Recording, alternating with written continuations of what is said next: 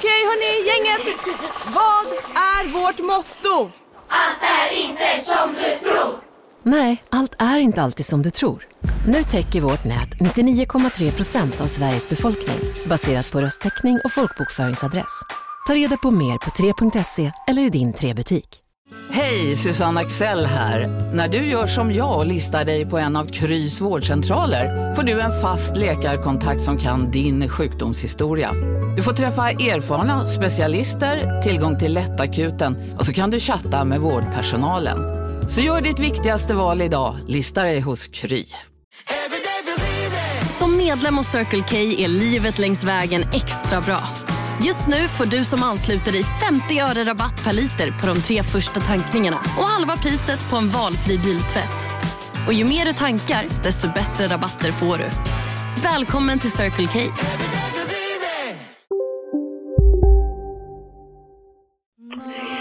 Eh, jag eh, bor då vid det tillfället uppe i Stockholm eh, och eh, Eh, 2009 så tar vi egentligen eh, planerna på allvar fart. Eh, vilket kommer mynna ut i, i eh, det som faktiskt har av, av en hel del beskrivits som en av världens mest uppmärksammade stölder, det vill säga stölden av, av eh, Arbeitsmacht Frei-skylten i, i, i det polska eh, eh, förintelselägret Auschwitz. Eh, och det var väl egentligen, många har ställt mig frågan varför, eh, varför, varför var du involverad i något så fruktansvärt? Hur kunde ni göra detta? Eh, det tog mig ganska många år att, att bli redo att svara på den frågan. Eh, för den var väldigt svår att svara på, samtidigt väldigt enkel. Eh, den, den, den ganska sorgliga, tragiska eh, sanningen där, det är ju av ekonomiska skäl. Eh, vi stal den här för att tjäna pengar helt enkelt. Hade ni en köpare då, eller? På den, eller?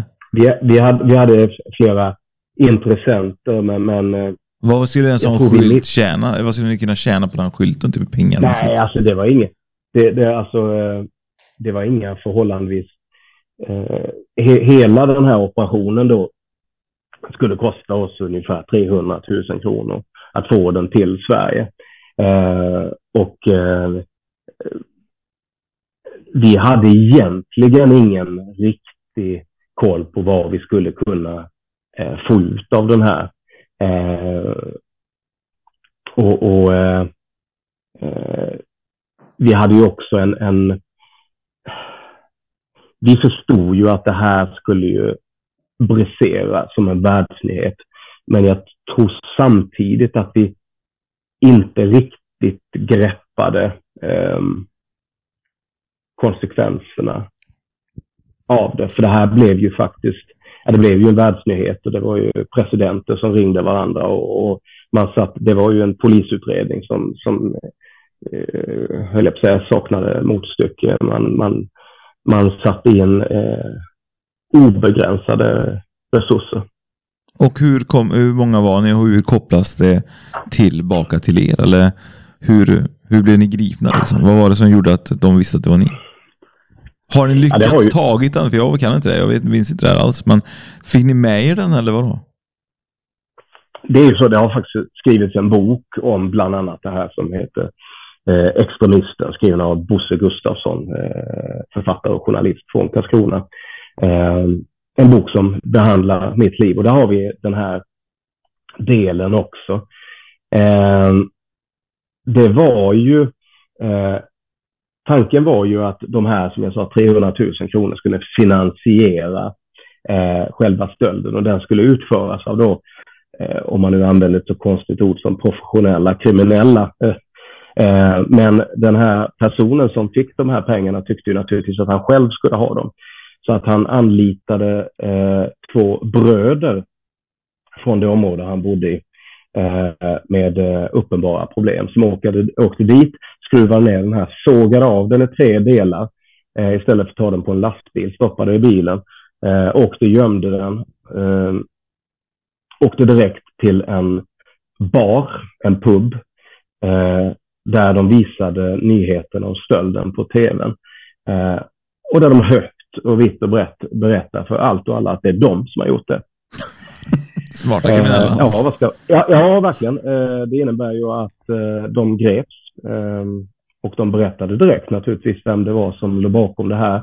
Eh, de kände ju inte mig, men eh, ganska så fort så kunde man ju dra kopplingar och även med en del skickande av sms. inte riktigt som det är idag, men, men det, det gick ändå att knyta.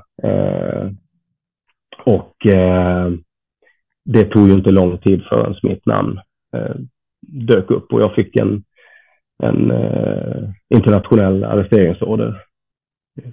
Och då skickas man direkt, då skickas man och arresteras i Sverige, man skickas till Polen sen då eller? Eller hur ja, du, du, du, du, du kan alltså gripas i vilket land som helst i princip i hela världen. Alltså, så att mm. man kommer ju inte undan. Men rättegången är, pågår i vilket land? I, i, I Polen? I Polen då, så att jag, jag satt hemma i Stockholm och insåg ju att det här var ju, det var ju bara en tidsfråga och mycket riktigt, det knackade på dörren. Där var det två stycken eh, Säpo-herrar som bad mig följa med och sen jag bodde ju bara 150 meter från Kronobergshäktet så att eh, det var en kort transport. Cykla dit? eh, ja, ungefär. Eh, sen satt jag där i två månader eh, och utlämnades eh, till, eh, sedermera till eh, Polen under egentligen ganska så dramatiska omständigheter med, med militärflygplan och, och, och beväpnad militär och, och, och ja, det, det, var när jag landade i Polen. Alltså det, det, det här var ju, man, man, visade ju tydligt inför en hel värld att man tog detta på yttersta allvar. Det var, det var helikoptrar och det var eh, eh hundratals journalister och man fick en huva över eh, ansiktet och sen eh, skjutsades eh, i ilfart genom, eh, genom eh, Krakow då. Eh, med beväpnad polis både fram och, och, och bakom då tills vi kom till eh, Montelupic som är ett, eh, kan man väl säga, ett ökänt fängelse. En gång i tiden faktiskt en del av just eh, Auschwitz. Jag tror eh, nazisterna mördade 50, 50 000 människor eller någonting där. Och, och sen efter att nazisterna försvann så tog ju kommunisterna vid och, och fortsatte med, med samma eh, verksamhet. Då, Så att det, det, är en plats med en eh, ohygglig historia. Um, Men vad, eh, det är också Ja, förlåt. Mm. Men, eh, för jag tänker bara vi måste få i ordning på tiden här också. Mm. Eh, så jag tänker lite mm. grann, vad blir, vad, vad blir domen och hur, vad, vad, vad händer i rättegången? Där? Ja, jag sitter ju där i, i, nästan ett år faktiskt. Jag går ner ett tjugotal kilo och jag mår väldigt, väldigt dåligt. Jag har ju kört mitt liv fullkomligt i, i botten. Jag förnekar egentligen eh, all inblandning och, och skyller på allt utom mig själv. Eh, sen får jag en möjlighet att eh, i Polen går det till lite annorlunda. Det är ungefär som på, man säger på amerikansk eh, film eller serie. Så att om de inte kan bevisa något så får du en eh, någonting annat du kan erkänna. Så skriver du under där så, så behöver du inte få någon rättegång och så slipper du sitta kvar och så blir du hemskickad. Så, så det gjorde jag. Så istället för att riskera tio år så fick jag eh, två och åtta månader och var naturligtvis nöjd med det skickades eh, hem till eh, Sverige eh, och till eh, att, att avsluta då min, min fängelsetid i ett svenskt eh, fängelse. Men innan dess så, jag, eh, jag kan säga att jag, jag nådde min absoluta botten i, i, i Polen. det är en av de absolut värsta stunderna i mitt liv. Eh, om någon hade frågat mig idag om jag ville ha det ogjort så säger jag blankt nej, därför att det är också en av de bästa tiderna. Det låter ju konstigt, men det var den gång i mitt liv som jag hade försatt mig själv i en sån omöjlig situation att jag hade kommit ner till ett absolut bottenläge. Eh, och jag hade när jag lämnade Sverige, då när jag, när jag lämnade häktet i Sverige för transport, till Polen så, så var det en, ehm, en eh, pastor där, en häktespastor som skickade med mig Bibeln.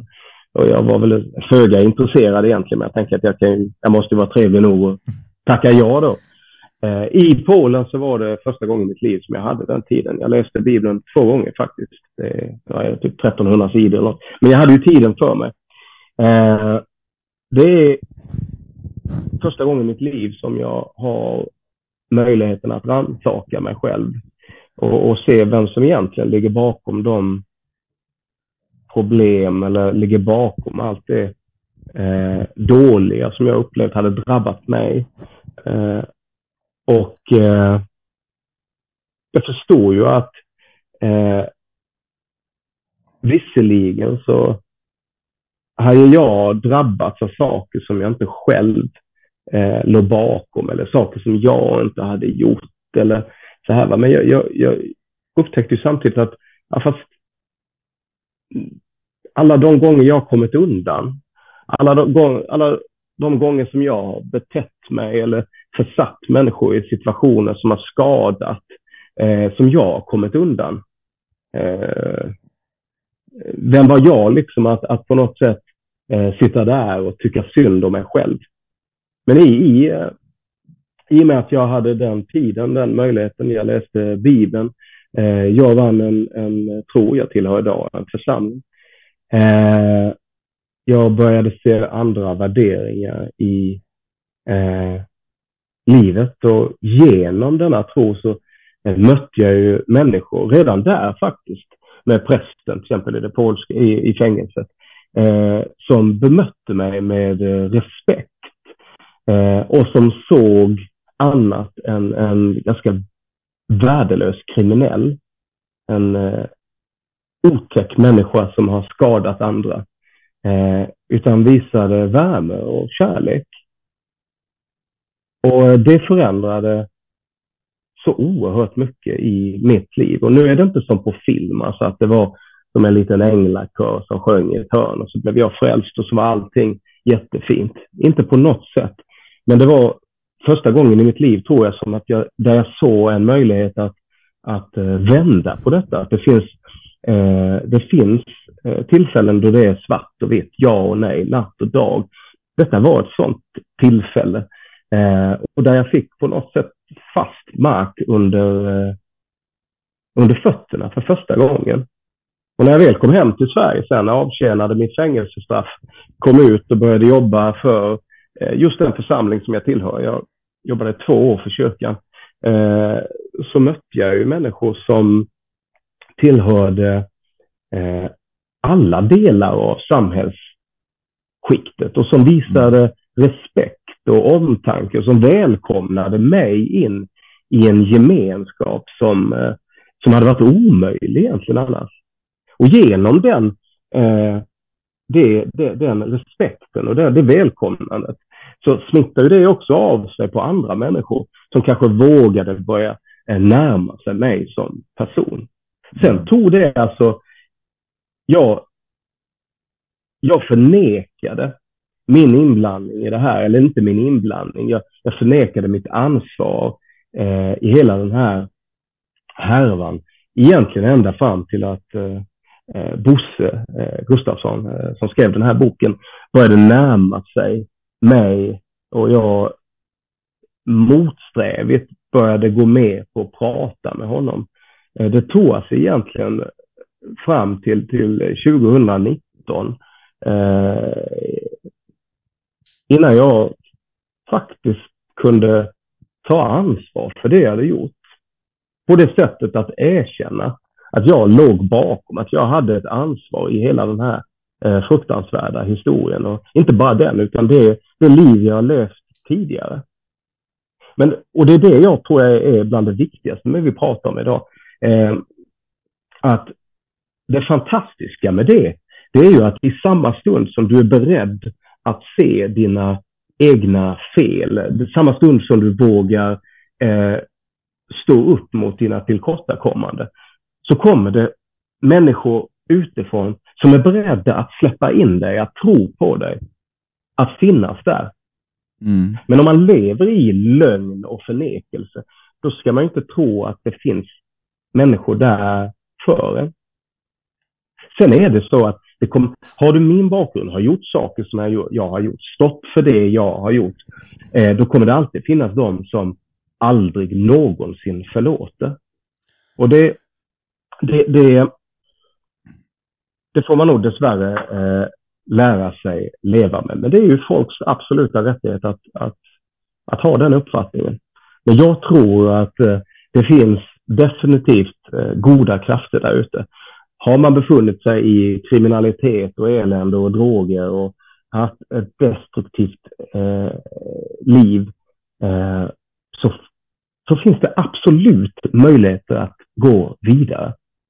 Jag menar, jag, jag, jag ska inte säga att jag på något sätt är, är, är den mest hatade personen i, i, i Sverige, men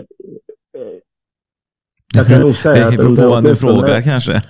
ja, ja, ja, faktiskt så. Eh, eh, men under, åtminstone under en tid så, så, så, hade jag nog ganska höga poäng på den eh, listan. Mm. Men det intressanta är, tittar du på min vänskapslista idag, tittar man på Facebook till exempel, jag har väl... Fredrik Kopp. ja, ja, precis. Ja, du ser. Nej, men jag, jag har väl typ 1300 vänner. 1300 vänner. Det är ju ingen som har 1300 vänner. Men ni vet vad jag menar. Mm. Eh, tittar man på den listan, det är en oerhört blandad lista. Men jag tycker ändå den är ganska talande. För där har jag människor från, jag ska inte säga alla världens länder, men de är gula, svarta, gröna, blåa, röda eller vad man nu kan vara för färg. De talar alla tänkbara språk. Mina vänner idag, eh, flera av mina absolut närmsta vänner som jag har runt mig, som har blivit mina, min familj, eh, har invandrarbakgrund. Det är inte för att jag aktivt har valt, ja, jag har varit nazist, så nu måste jag ha vänner som eh, på något sätt, det verkar bra om jag har de vännerna. Nej, det tror jag är därför att människor som till exempel har en annan bakgrund, har, har till exempel invandrarbakgrund, de har varit med om saker som de flesta eh, svenskar aldrig har varit. Eh, de har en livsresa som gör att man eh, har mycket enklare att ta det steget. Ja, men eh, vem är Anders idag? Ja, men han har mm. lämnat det. Ja, men då är det okej. Okay, Tittar jag på en del av mina gamla eh, vänner från första klass i Hässlegården va, som eh, idag är, är, lite småchefer och kanske har ett eget företag och har det värsta man har ställt till med är en eh, fortkörningsböter eller någonting då va. Vilket är illa nog eh, eh, och vilket man skäms för otroligt då va. Eh. Vi kommer eh, fortsätta med att veta vem Anders är idag alldeles strax. Yes. Anders kanske är den mest hatade personen ja. i Sverige under 2005. Man vet, jag mm. satt och kollade lite grann på det här angående med skylten och nu faktiskt dök det upp i mitt huvud att jag har faktiskt läst den artikeln när den kom ut. Och eh, då tänkte man, vem var idioten bakom detta? Och nu sitter man 2022 med idioten bakom det. Och det är det som är så himla roligt, är att liksom, man vet aldrig var vägen tar en någonstans. Och jag tror att det är väl det som också har hänt med Anders. Han har ju verkligen också vänt på sitt liv. Det trodde han ju inte då när han Nej, var där. Exakt, och det är det som gör det så väldigt intressant också. Vi är så tacksamma för att du är med och delar det här Anders. Att ha varit där på andra sidan om man får säga så. Eh, och eh, kommit tillbaka dit, ja för jag säger kommit tillbaka dit där man faktiskt ser alla människors värde och rätt att eh, få vara i samhället som de, de, de är. Och det var ju väldigt intressant tyckte jag att höra, eller intressant att höra, men just det här du, läm du åker ner med huva och eh, militäreskort ner till Polen. Du får med dig en, en bibel där utav fängelseprästen och någonstans reflekterar att eh, det får räcka nu på något vis. Du kommer hem och eh, du berättade precis innan vi pausade här om, om eh, dina Facebook-vänner, att de är spridda över hela världen. Sen att Eh, vänner och vänner, ja, men eh, att det finns från det här riktiga mörkret där man eh, ja, på något vis kanske, du gav ju aldrig upp, men det finns inget an, ingen annan väg än att se mot ljuset. Och det är det som, som gör att ja, dels att vi plockar in dig här, självklart, och kunna sprida din berättelse och eh, din resa. Eh, och jag tänker lite så här, vad, vad gör du nu? Vad, vad, vad, är de största eh, skillnaderna? Ja, här, eh, jag kom på en liten fråga nu. Jag menar, den gemenskapen som du kände tidigare eh, kontra den gemenskapen som du har idag med dina vänner och, och, och samhället. Vad, vad tänker du om det? Ja, först skulle jag bara vilja kasta tillbaka lite till det vi nämnde innan vi, vi, vi bröt här. Mm. Att, eh, utan att liksom på något sätt kategorisera människor allt för hårt så är min absoluta uppfattning att eh, eh, de som idag, med tanke på min bakgrund, har massa anledningar att inte tycka om mig. Eh, människor... Nu på Storytel. Första delen i en ny spänningsserie. En liten flicka hittas ensam i en lägenhet. Hennes mamma är spårlöst försvunnen. Flickans pappa misstänks för brottet men släpps fri trots att allt tyder på att han är skyldig.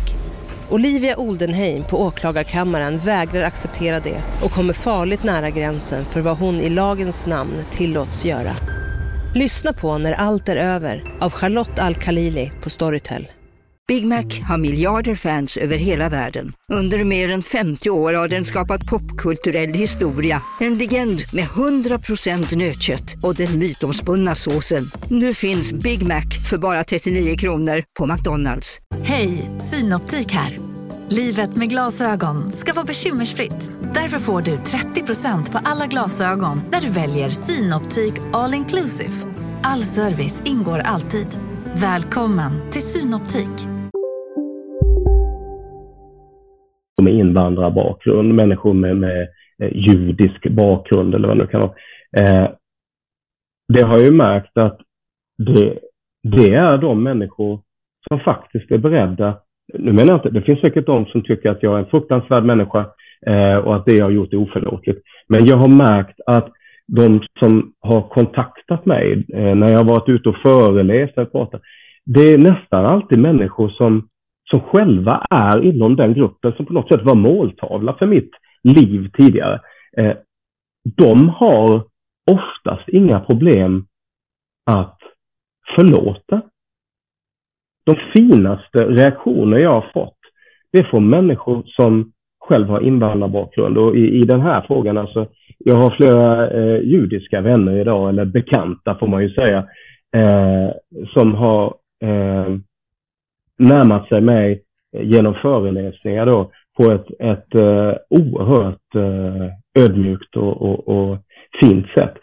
Medan de som har svårast att förlåta är oftast de med, vad ska man säga, uh, svensk, svensk bakgrund som inte är egentligen de som har varit den där måltavlan på samma sätt. jag upplever att det finns en, en, en vad ska man säga, som en, en en korrekthet i samhället där man ska stå för vissa saker. Eh, och då blir ju min bakgrund nästan oöverstiglig. Alltså det blir för mycket för, för många. Va? Och då, de kan inte ta det steget. Medan som jag säger, de som kanske egentligen har, skulle ha haft eh, anledning att tycka illa om mig. Eh, nej, men de bär på en livsresa som gör att de, de kan ta det steget. Mm. Jag tror att det egentligen finns så, egentligen känner jag, vi har ju pratat väldigt, eh, tiden går ju så jävla fort här, men det finns så mycket frågor egentligen från, eh, från min sida eh, som man vill ännu, gå in ännu djupare som vi inte hinner. Så det får vi kanske göra en YouTube-video om framöver, för mm. det handlar ju lite grann om mycket hur man tyvärr hamnar i fel sällskap och hur man kanske också mm. präntar in saker som man egentligen kanske inte tycker och tänker egentligen riktigt heller. Men och så blir det väl att man skapar det till en riktig egen verklighet och så ska man leva mm. upp till det och så vidare. Mm. Eh, så ja, det, här är ju, det, här är ju en, alltså, det, är, det här är ju en sekt. Det är ju ett sekteristiskt beteende som vilket som helst. Som en religiös sekt. Jag tror att eh, det är viktigt naturligtvis att vi, som jag nämnde tidigare, står upp mot den här typen av destruktiva eh, beteende. Samtidigt så är det alltid viktigt att vi har en motvikt. Att det finns, att det också bemöts med, med kärlek. Va? En hand som stoppar och den andra som, som på något sätt välkomnar en in i, i, i någonting nytt. För att eh, kan vi inte ge människor som befinner sig i den här destruktiva miljön någonting annat, ja då ska vi inte tro att de på något sätt lämnar det. För det var, jag vet, det var en, en gammal eh, poet och författare här från Karlskrona som sa en gång till mig att eh, eh, lite skämtsamt att eh, kom ihåg det Anders, hellre ökänd än okänd och så skrattade han. Eh, och, och eh, det är lätt att, att, att raljera med det när, när, när, du har ett skötsamt liv. Men tillhör du den här, det här utanförskapet så är det faktiskt så. Det är bättre att vara känd för dåliga saker än ingenting alls. Mm. För då är du åtminstone någon. Så jag tror att där, där har vi eh, någonting som, det är någonting jag har lärt mig och, och, och är det någonting eh, som jag skulle vilja kasta med så här i, i, i slutändan så är det ju liksom att jag kan ju få när jag är ute och föreläser frågor. Har, du, du har inga förutfattade meningar och fördomar och sånt här längre. Det måste ju vara skönt. Jag menar, det, det, är, ju, det, är, det är ju ett uttalande som snuddar på ja, riktigt dumt. Va? Det är klart att mm. jag förutfattade meningar, fördomar. Jag är ju människa. Jag har massa knäppa idéer. Men däremot har jag idag blivit aningen bättre på att identifiera dem, backa och faktiskt säga att ja, nej du Anders, du kanske inte riktigt lever upp till det där själv. Nej. Och sen framför allt tror jag, eh, när man liksom mig då har fått den fantastiska möjligheten att ut och resa i världen, möta människor. Jag reser ofta till platser där normalt sett kanske folk inte reser, för att möta människor på riktigt. Det har varit, hjälpt mig otroligt. Eh, 2015, 16 så eh, var jag nere i Kurdistan, Irak. Eh, 2016 anslöt jag mig till Peshmerga i ett stridande förband. Eh, mött människor, eh, kristna och, och, och muslimer. Jag blev i princip adopterad av en muslimsk familj. Trots att jag är kristen. Alltså bemöttes med en oerhörd kärlek och respekt. Jag har idag den fantastiska liksom, glädjen att få tillhöra en grupp som jobbar med, med, eh, med och nere i Ukraina har varit där ett par vändor eh, och eh, möter människor under väldigt, väldigt speciella och fruktansvärda omständigheter. Eh, men eh, det finns någonting eh, i de här eh, miljöerna, alltså i kris och krigsmiljöer som eh, du har å ena sidan den här hemska verkligheten som är fruktansvärd. Men du har en baksida på det myntet. För därför att så nära krig och elände och ondska och hat så finns det en annan sida, det vill säga kärlek och, och värme och respekt. Och den är alltid som starkast, menar jag, eh, på de platserna. Och det är väldigt hoppfullt, för jag tror i princip att alla människor har en möjlighet att vända bort från det mörka, från det dåliga, från det det, det eh, hat som förpestar dem själva och alla runt omkring. Jag tänker lite grann... Eh, ja, förlåt. Jag tänker lite grann, mm, Anders. Eh, vad, det du gör idag, du föreläser om, du föreläser om vad? Eh, jag pratar om just de här frågorna. Förutfattade meningar, fördomar, utanförskap, mobbning, rasism. Egentligen, ska man säga, allmänna demokratifrågor. Jag tror att vi idag i Sverige har blivit mycket, mycket bättre Eh, vi har under en tid, egentligen antal årtionden, eh, blivit allt mer rädda för att angripa problemen på riktigt. Vi har varit, eh, och det finns fortfarande en, en korrekthet, en politisk korrekthet i vårt samhälle som inte gör oss gott.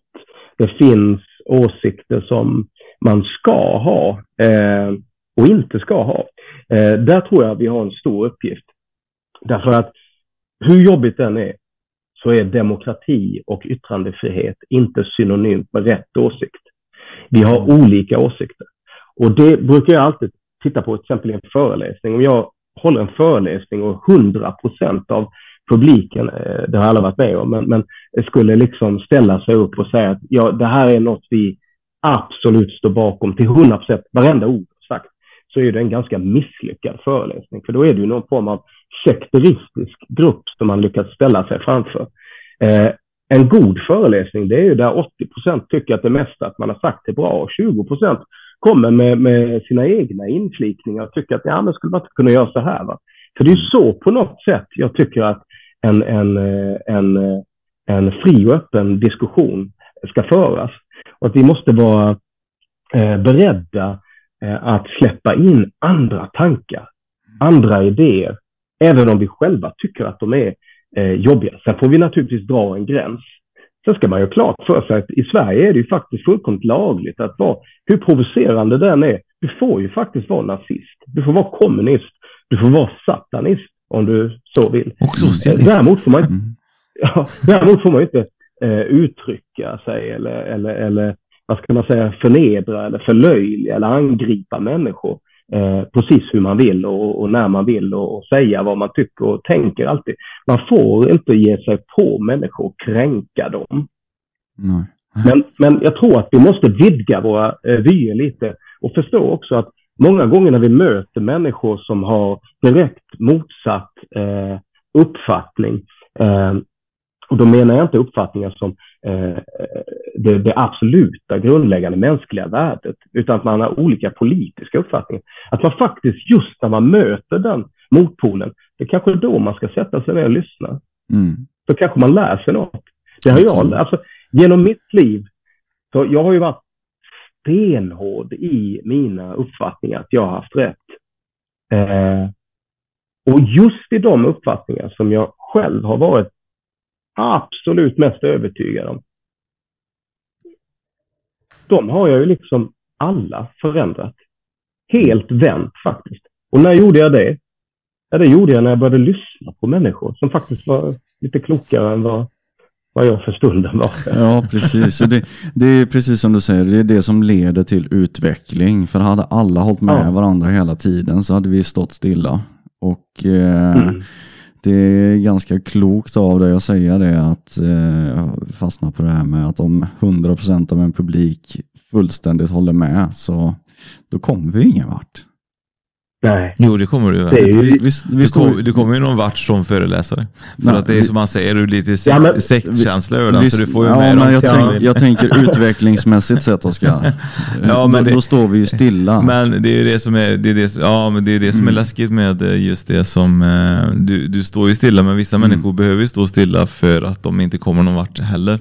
Ja, fast jag, ja, jag, är du med? Ja, jag hör vad du säger, jag håller inte med dig bara. Nej, jag förstår det. Men grejen är typ att när du har en föreläsare som då, så vi pratar lite sektmedlem där. Mm. Jag menar, om vi leker med tanken nu att Anders, han sa ju själv att han, eh, de mörkaste, han, var han vill inte få det mm. ogjort heller för att hans utveckling kom ju så långt senare. Mm. Men eh, han behövde då, där och då behövde han ju förmodligen då någon som tog honom under vingarna.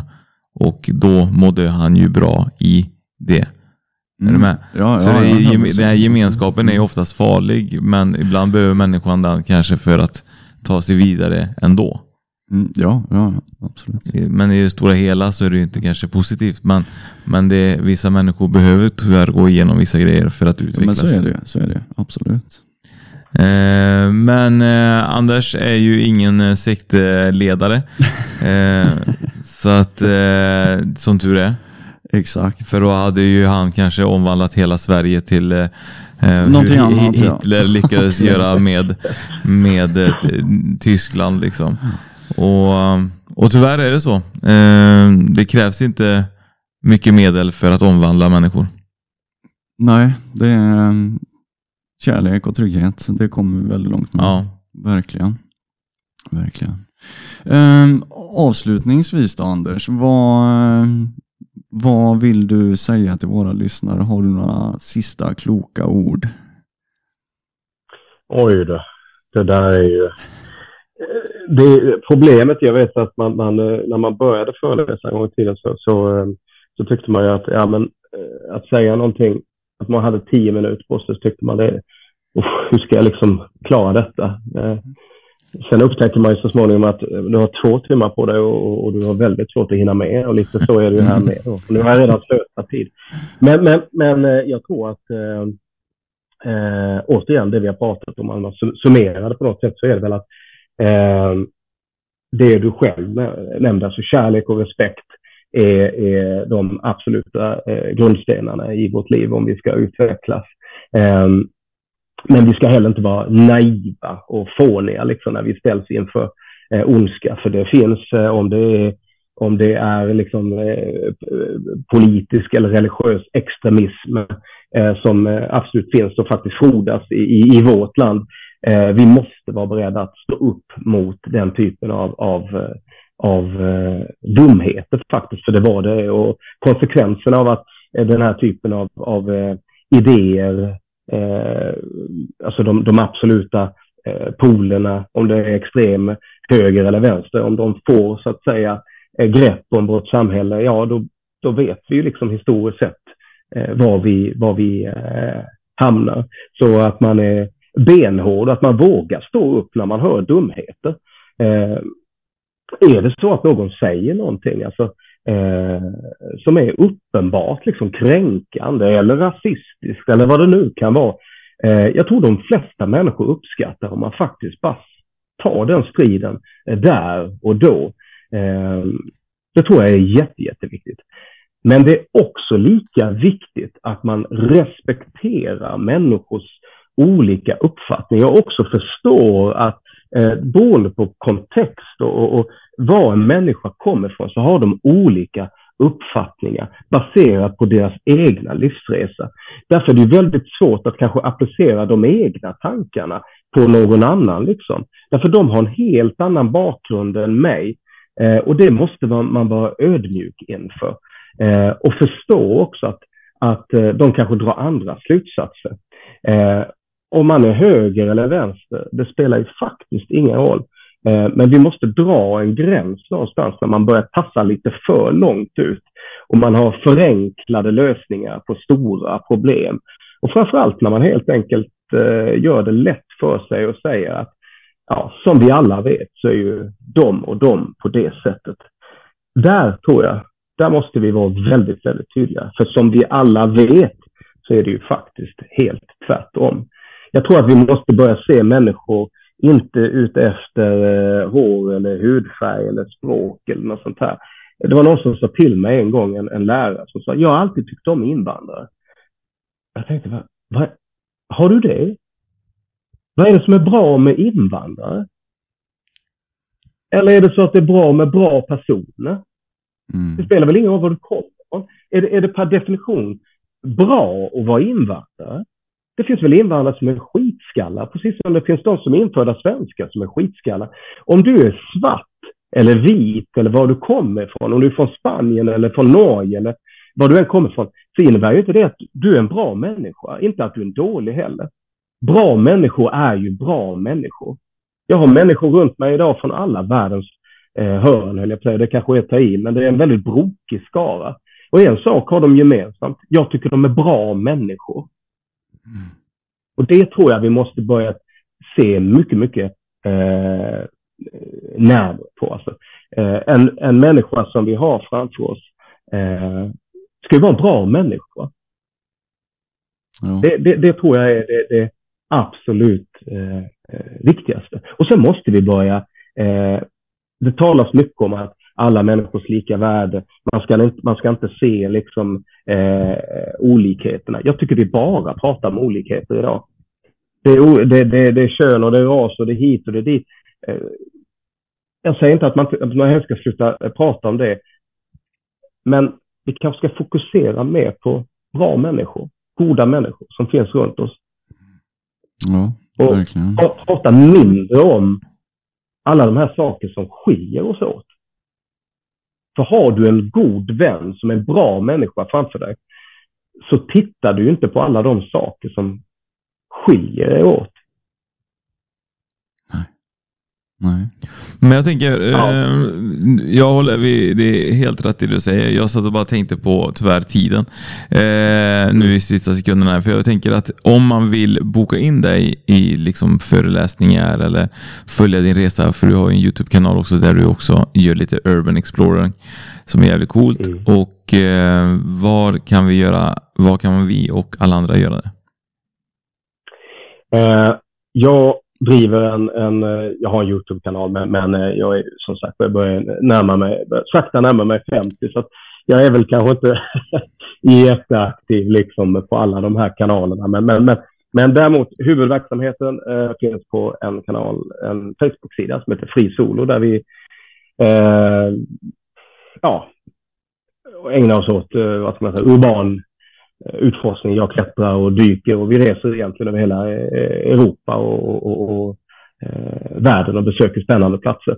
Eh, vill man eh, få mig att komma och prata lite så är det nog enklast att skicka ett meddelande där eller framförallt på LinkedIn är väl det som de flesta brukar eh, eh, hitta mig. Och så kommer jag ut och så eh, eh syr vi ihop någonting som är, är riktigt bra. Det brukar bli, jag faktiskt all, det är fördelen med de här eh, ämnena. Jag mötte en kille en gång på ett seminarium. Han föreläste om flugfiske. Han kom fram efter mig. Han sa det, alltså ditt ämne, det är ganska tacksamt att föreläsa om. Och så berättade han då om, om sitt flugfiske och då tänkte jag, ja, det, det, den är svårare. Alltså. Eh, det är tacksamma ämnen därför att det handlar just om det vi har pratat om, fördomar, rasism eller olika uppfattningar. Och det på något sätt, det känner vi alla igen oss i. Mm. Eh, och därför blir det ju alltid diskussioner, långa diskussioner. Och det är mm. det vi lär oss av. Så eh, vill man liksom så hör man av sig där. Ja, eller så hör man av sig till din flugfiske Eh, föreläsare om man vill.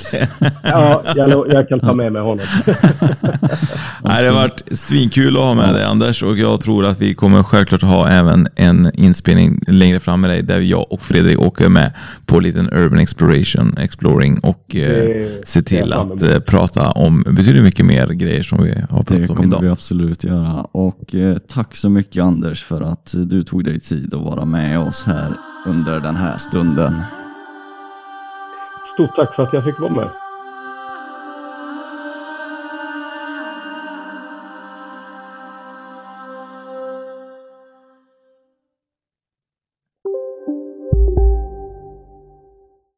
En nyhet. Nu kan du teckna livförsäkring hos Trygg-Hansa. Den ger dina nära ersättning som kan användas på det sätt som hjälper bäst. En försäkring för dig och till de som älskar dig. Läs mer och teckna på trygghansa.se. Trygg Hansa. Trygghet för livet. Redo för sportlovets bästa deal? Ta med familjen och njut av en Big Mac, McFeast eller Cooper Cheese Company plus en valfri Happy Meal för bara 100 kronor. Happy Sportlovs deal. Bara på McDonalds.